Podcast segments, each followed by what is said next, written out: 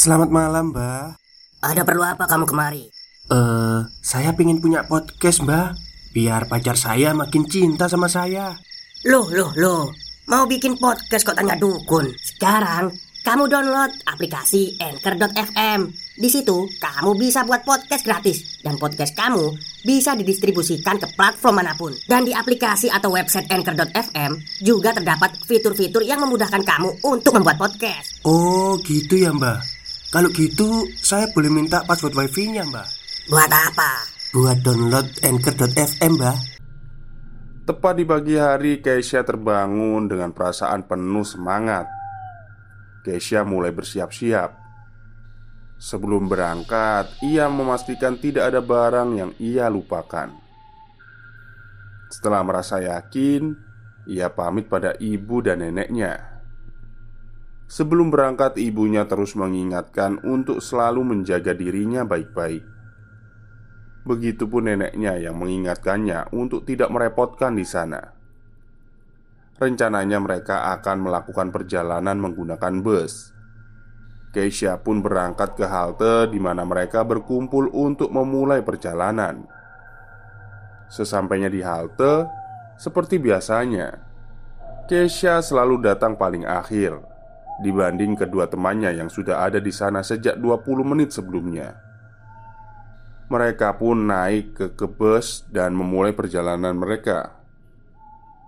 Perjalanan menggunakan bus memakan waktu sekitar 3 jam setelah itu, mereka turun dan melanjutkan perjalanan menggunakan angkutan umum. Beberapa jam kemudian, Tasya, gue boleh tiduran dikit gak? Masih ngantuk nih, ucap Keisha. Janganlah, Kei. Lu nyesel kalau tidur selama perjalanan. Lihat deh pemandangannya. Ucap Tasya sambil menunjuk ke arah jendela bus. Keisha yang tadinya merasa ngantuk menjadi segar karena melihat pemandangan persawahan yang sudah menguning. Beberapa perani juga terlihat sedang menyusuri area sawah. Petani ya maksudnya ya. Tasya, kayaknya gue bakalan suka di kampung lo kalau tiap hari ngelihat pemandangan kayak gini, ucap Karin. Di sini bukan kampung gue, kampungnya masih jauh banget. Ucap Tasya Walaupun merasa tenang karena banyak pemandangan yang sangat indah Ternyata Perjalanan yang sangat jauh membuat mereka sedikit bosan di angkutan umum Hampir dua jam mereka di angkutan umum itu dan enam jam secara keseluruhan mereka melakukan perjalanan Sampai pada akhirnya angkutan umum itu berhenti karena sudah sampai di titik akhir jalurnya. Keisha dan Karin serta Tasya turun dari angkutan itu. Suasana di tempat itu mulai berbeda. Banyak tebing dan pepohonan yang mengelilingi mereka. Tasya memberitahu Keisha dan Karin kalau perjalanan masih jauh. Dari situ mereka akan dijemput oleh ojek yang sudah disewa oleh ibunya. Dari kejauhan, terlihat tiga orang yang mengendarai sepeda motor mendekat ke arah mereka.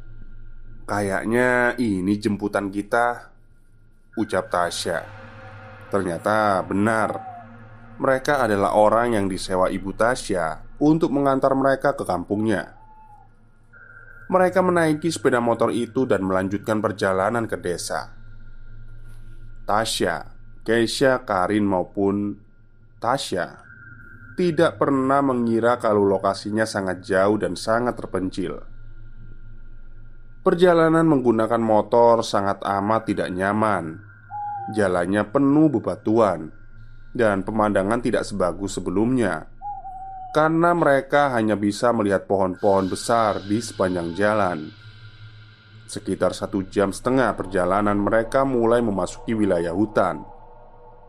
Keisha, Karin, dan Tasya sempat merasa takut karena lokasinya benar-benar di luar dugaan mereka. Namun, salah seorang tukang ojek mengatakan kalau mereka akan segera sampai. Beberapa menit kemudian, mereka sampai dan turun di depan sebuah gerbang berukuran besar lengkap dengan dinding kayu di sekelilingnya. Gerbang dan dinding kayu itu tingginya sekitar 3 meter. Tak jauh dari gerbang terlihat ada seorang pria berpakaian hitam sedang mendekat ke arah kami. "Gimana perjalanan kalian?"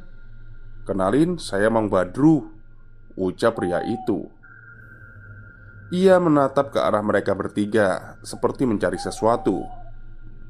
"Oh, maaf, kalau boleh tahu, Tasya ini yang mana ya?" Tanya Mang Badru. Tasya mendekat sambil mengatakan, "Saya Tasya, Mang. Ada apa ya?" Tanya Tasya. Mang Badru mendekat dan memeluk Tasya. Walaupun rasanya aneh karena Tasya tidak mengenalnya. Saya paman kamu Tasya. Akhirnya Saya bisa melihat ponakan saya yang begitu cantik Ucap Mang Badru. Tidak heran kalau Tasya merasa canggung Karena ia hampir tidak mengenal keluarga ibunya sama sekali. Kemudian Mang Badru menyuruh mereka untuk memasuki gerbang Saat Mang Badru membuka gerbang Barulah terlihat kalau di dalam ada pemukiman di mana banyak rumah dan orang-orang yang sedang beraktivitas. Mereka pun memasuki gerbang. Lalu Mang Badru kembali menutup gerbang itu. Dindingnya sangat tinggi, sehingga mengisolasi desa yang ada di dalamnya. Sekilas juga Kaisya sadar kalau mereka tidak melihat penduduk yang beraktivitas di luar gerbang itu. Maaf, Mang Badru, mau tanya. Kalau nggak salah, saya lihat ada orang di luar yang beraktivitas di luar gerbang. Maksudnya saya nggak lihat. Tanya Keisha. Iya, Neng. Warga nggak mau ambil resiko. Soalnya ini kan wilayah hutan, takutnya ada hewan buas yang nyerang. Makanya Nenek moyang kita di sini ngebangun dinding kayu ini supaya penduduk aman. Jawab Mang Badru. Oh, ini kayak film anime Attack on Titan ya. Jadi dibangunin tembok supaya nggak bisa diserang sama Titan itu. Oke, kita lanjut. Sebelum mengajak mereka ke rumah yang akan mereka tinggali, Mang Badru ingin mengajak Tasya menemui neneknya yang sedang sakit. Mereka sampai di sebuah rumah sederhana yang semua bagiannya terbuat dari anyaman bambu. Walaupun begitu, rumah itu begitu rapi dan terawat. Mang Badru mempersilahkan mereka masuk untuk menemui neneknya Tasya.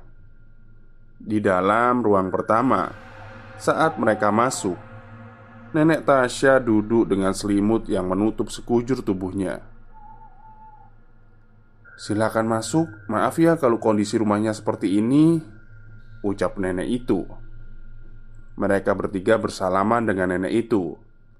Saat bagian Tasya, nenek itu menggenggam tangan Tasya. Tanpa diberitahu pun, saya yakin kalau kamu cucunya saya, kamu mewarisi wajah ibu kamu. Ucap nenek itu. Iya nek, saya Tasya, cucu nenek Ucap Tasya. Nenek segera memeluk Tasya. Air mata tidak lagi dapat ditampung Karena menurut Mang Badru Sudah sangat lama neneknya ingin sekali berjumpa dengan cucunya. Setelah momen mengharukan ini Mang Badru segera mengantar mereka ke rumah yang sudah disediakan untuk tamu Lokasinya tak jauh dari rumah nenek. Rumah yang akan mereka singgahi terbilang sama seperti rumah lainnya yang ada di tempat itu. Mereka memasuki rumah itu dan merapikan barang-barang bawaannya. Mamang pamit dulu ya. Kalau kalian butuh apa-apa, Mamang ada di rumahnya nenek, ucap Mang Badru. Iya, Mang Badru, makasih, ucap Tasya. Mereka melihat sekeliling rumah yang akan mereka tempati hingga seminggu ke depan. Saat itu pula mereka sadar kalau di sana ternyata tidak ada listrik. Astaga Tasya, Di sini nggak ada listrik. Gue baru sadar, ucap Karin. Gue sih sadar, yang namanya wilayah perkampungan pasti belum banyak yang dialirin listrik, ucap Keisha. Lu kok nggak ngasih tahu sih Tasya? Tahu gitu kan, gue bawa power bank, ucap Karin. Sorry, gue lupa ngasih tahu. Ya udahlah, lagian di sini nggak ada sinyal. Baterai HP lu pasti awet kok Ucap Tasya Mereka juga merasa terbebani karena kamar mandi berada di luar rumah Walaupun jaraknya tidak terlalu jauh Namun tetap saja akan sangat menakutkan Karena mereka harus melewati langit malam jika ingin menggunakan toilet. Di sore hari seseorang mengetuk pintu rumah mereka. Keisha membuka pintu dan ternyata itu adalah Mang Badru Membawakan kami sebuah makanan. Karena ia tahu Sejak sampai mereka bertiga belum makan Mang Badru juga memberitahu mereka cara menyalakan lampu minyak Oh iya Memang Mamang kasih tahu ya ke kalian Kalau malam di sini tuh nggak boleh keluar rumah sembarangan Ucap Mang Badru Kenapa begitu, Mang? Tanya Tasya. Ya, buat jaga-jaga aja. Takutnya ada hewan buas yang nggak sengaja masuk. Jawab Bang Badru. Bang Badru pun pamit dan mempersilahkan mereka untuk istirahat. Mereka menyantap sajian yang dibawa oleh Bang Badru. Malam pun tiba. Lampu mil lampu minyaknya mulai dinyalakan. Keisha melihat keluar rumah dari jendela yang tidak memiliki kaca. Suasana di malam hari sangat gelap. Terlihat beberapa orang berjalan menyalakan obor di sekitar jalan. "Eh, Keisha, kalau mau ke toilet bareng ya." "Gue nggak mau sendirian," ucap Karin. "Iyalah, gue juga nggak mau keluar malam sendirian," sahut Keisha. Suasana di desa itu sangatlah hening. Dalam gelap, mereka bisa mendengar suara jangkrik, bahkan angin malam yang melewati pepohonan. Sesekali terdengar juga suara langkah kaki yang terdengar samar, namun perlahan semakin mendekat. Keisha kembali melihat keluar. Ternyata ada dua orang yang sepertinya berkeliling membawa obor. Tiba-tiba Tasya bangun dan mengatakan kalau ingin buang air kecil Kay, gue pengen pipis Anterin yuk Tanya Tasya. Ya udah yuk Gue bangunin Karin dulu. Takutnya dia mau ke toilet juga Ucap Keisha. Keisha mengajak Karin untuk pergi ke toilet bersama. Namun Karin sudah tidur karena kelelahan. Akhirnya Keisha ke kamar mandi yang ada di luar rumah bersama Tasya. Saat pintu belakang dibuka Udara dingin masuk melewati mereka. Udara malam terasa menusuk kulit Dan membuat mereka merinding. Belum lagi suasana desa yang sangat gelap gulita. Namun Langit malam terlihat tidak begitu gelap. Seakan-akan kegelapan hanya ada di antara mereka. Mereka menggunakan kamar mandi secara bergantian, saling menunggu di depan pintu. Saat Keisha menunggu Tasya yang sedang menggunakan kamar mandi, Keisha teralihkan dengan suara gamelan yang sepertinya berasal dari arah hutan. Keisha yakin tidak salah dengar karena suaranya begitu jelas. Tasya, lu dengar gak sih? Itu ada suara kayak irama alat musik gitu Tanya Keisha Tasya keluar dari kamar mandi sambil berkata Mana Kay? Gue gak denger apa-apa Keisha sangat yakin Kalau suara itu berasal dari arah hutan Di luar pagar kayu yang mengelilingi hutan itu Desa itu namun, Keisha merasa bingung karena ia yakin tidak ada pemukiman lain yang dekat dengan desa itu. Mereka kembali ke dalam dan kembali tidur. Pagi hari pun tiba. Mereka terbangun karena udara dingin yang masuk dari sela-sela dinding anyaman rumah. Udara di pagi hari ternyata lebih dingin dibandingkan udara malam. "Eh, bangun yuk, kita jalan-jalan," ucap Tasya sambil membangunkan Keisha dan Karin. Keisha terbangun lalu membersihkan matanya sambil berkata, "Ayo, jangan sia-siakan waktu pagi kita." Stop, stop. Kita break sebentar. Jadi gimana? Kalian pengen punya podcast seperti saya? Jangan pakai dukun, pakai Anchor. Download sekarang juga. Gratis. Karin pun terbangun dari tidurnya. Mereka merapikan alas tidur dan segera pergi keluar rumah. Walau matahari belum terbit, namun langit sudah terlihat cukup terang. Mereka berjalan menyusuri rumah-rumah di desa itu. Namun, sepertinya belum ada yang beraktivitas di luar rumah. Suasananya juga masih sangat sepi karena merasa terbatas dengan dinding kayu yang mengelilingi desa, Tasya berencana untuk jalan-jalan di luar desa. Namun, Karin dan Keisha tidak setuju karena khawatir ada hewan buas yang masih berkeliaran di area hutan. Jangan Tasya, lu inget kan di wilayah hutan ini masih banyak hewan buas. Lu mau dimakan mereka? Tanya Keisha Akhirnya Tasya membatalkan rencananya untuk jalan-jalan di area hutan Namun ia sangat ingin melihat hutan di pagi hari Walaupun hanya sebentar Karena Keisha dan Karin merasa mungkin tidak berbahaya jika hanya melihat sejenak Mereka pun menuju ke arah gerbang utama setelah sampai di gerbang, Tasya dengan cepat mem mencoba membuka pintu gerbang itu. Namun tiba-tiba, "Woi!"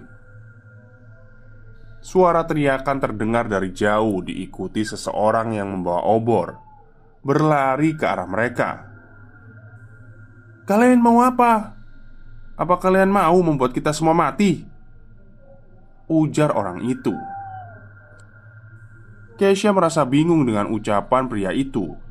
Bagaimana mungkin mereka bisa berpikir bahwa Keisha dan teman-temannya mau melakukan hal buruk? "Maaf, Pak, kami cuma mau melihat kondisi hutan di pagi hari. Itu aja kok," ucap Tasya. "Pagi hari kalian bilang kalian lagi mimpi. Ini masih tengah malam." Apa yang kalian lakuin bisa ngebahayain banyak orang di sini? Bentak orang itu. Keisha, Karin, serta Tasya diam sejenak karena kebingungan dengan ucapan pria itu. "Pak, maaf. Coba Anda lihat langitnya. Sebentar lagi lo matahari akan ter." Belum selesai Keisha bicara ia melihat langit dan melihat bulan purnama di sana. Bulan purnama yang bersinar begitu terang. Mereka bertiga hanya bisa terdiam kebingungan karena mereka yakin sebelumnya melihat langit di pagi hari. Mereka saling menatap dan tak bisa berkata-kata. "Tapi tadi langitnya terang," ucap Tasya. Mendengar keributan itu, Mang Badru keluar dari rumahnya dan mendekat ke arah ributan. "Ada apa ini?" tanya Mang Badru.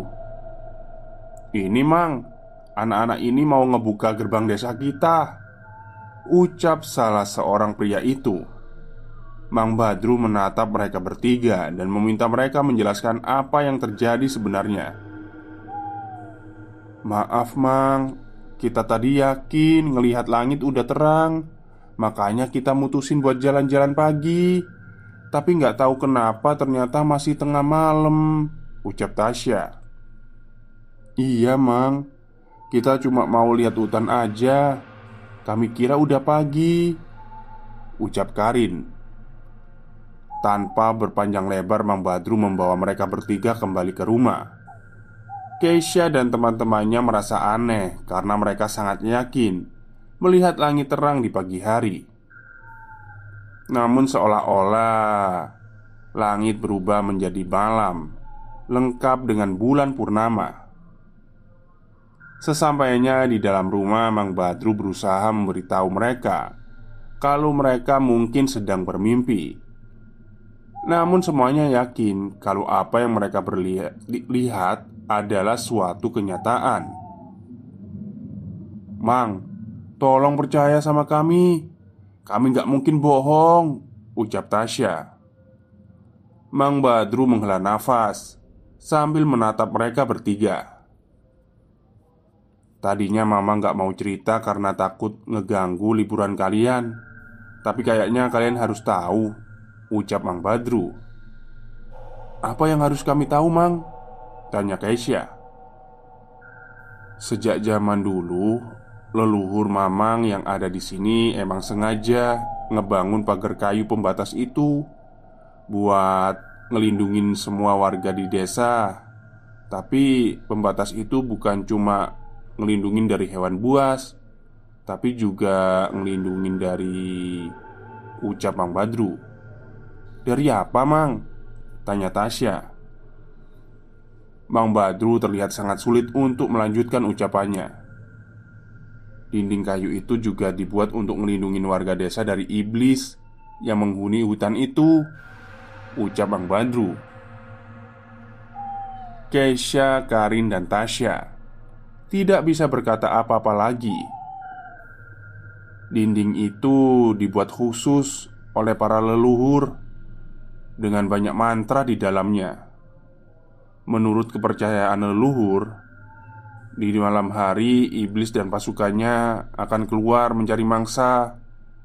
Oleh sebab itu, pintu gerbang desa ini tidak boleh dibuka hingga matahari terbit. Ucap Mang Badru. Lalu Mang, kalau gerbang itu sampai dibuka, apa yang terjadi? Tanya Keisha. Ya intinya ada hal buruk yang bisa menimpa desa ini. Mang Badru pun pamit dan menyuruh mereka untuk kembali tidur. Mendengar cerita Mang Badru barusan membuat mereka bertiga ketakutan. Tapi tampaknya Tasya tidak merasakan ketakutan itu dan beranggapan bahwa yang Mang Badru ceritakan hanyalah sebuah mitos. Halah, kalian jangan percaya cerita kayak gitu. Namanya juga orang pedalaman, pasti masih percaya sama hal yang berbau mistis, ucap Tasya. Baik, itulah treat bagian pertama dari Mas Bagir Alia Alaidrus ya Tentang uh, gerbang pembatas. Jadi karena ini panjang mungkin saya buatkan jadi dua bagian. Kalau nggak nanti malam ya besok saya upload lagi. Oke mungkin itu saja cerita untuk siang hari ini. Selamat siang dan selamat beristirahat